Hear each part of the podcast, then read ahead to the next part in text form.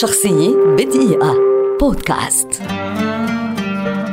كريمة مختار ممثلة مصرية كبيرة ولدت عام 1934 وتعد واحدة من أبرز وجوه السينما والتلفزيون في العصر الحديث ليس على مستوى مصر فحسب بل على مستوى العالم العربي. حصلت على شهادة بكالوريوس في الفنون المسرحية لكن بداياتها مع الشهرة جاءت من خلال برنامج الأطفال الإذاعي الشهير بابا شارو فترة الخمسينات.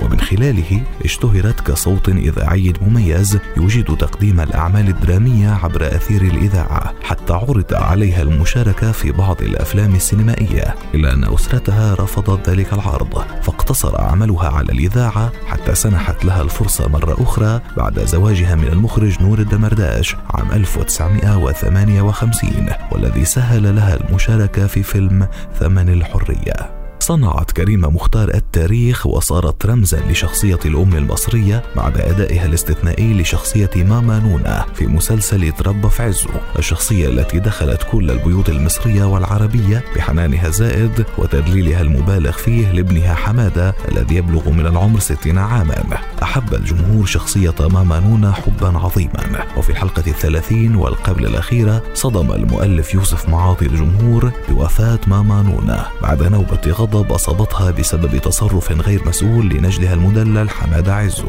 ورفضها ترك بيت العائلة. الحلقة وبعيدا عن المبالغة كانت حديث الناس لأيام لدرجة أن برامج شهيرة خصصت فقرات مطولة لمناقشة تأثير المسلسل ككل ووفاة ماما نونا خاصة على الجمهور الذي وجد في الشخصية التي قدمتها كريمة مختار نموذجا أصيلا للأم المصرية. شاركت كريمة مختار خلال مسيرتها في عدد كبير من الأفلام. نذكر منها نحن لا نزرع الشوك أميرة حبي أنا الحفيد والفرح. كما شاركت في مسلسلات كثيرة منها البخيل وأنا زهرة وأزواجها الخمس صابر يا عم صابر وكيد الحموات.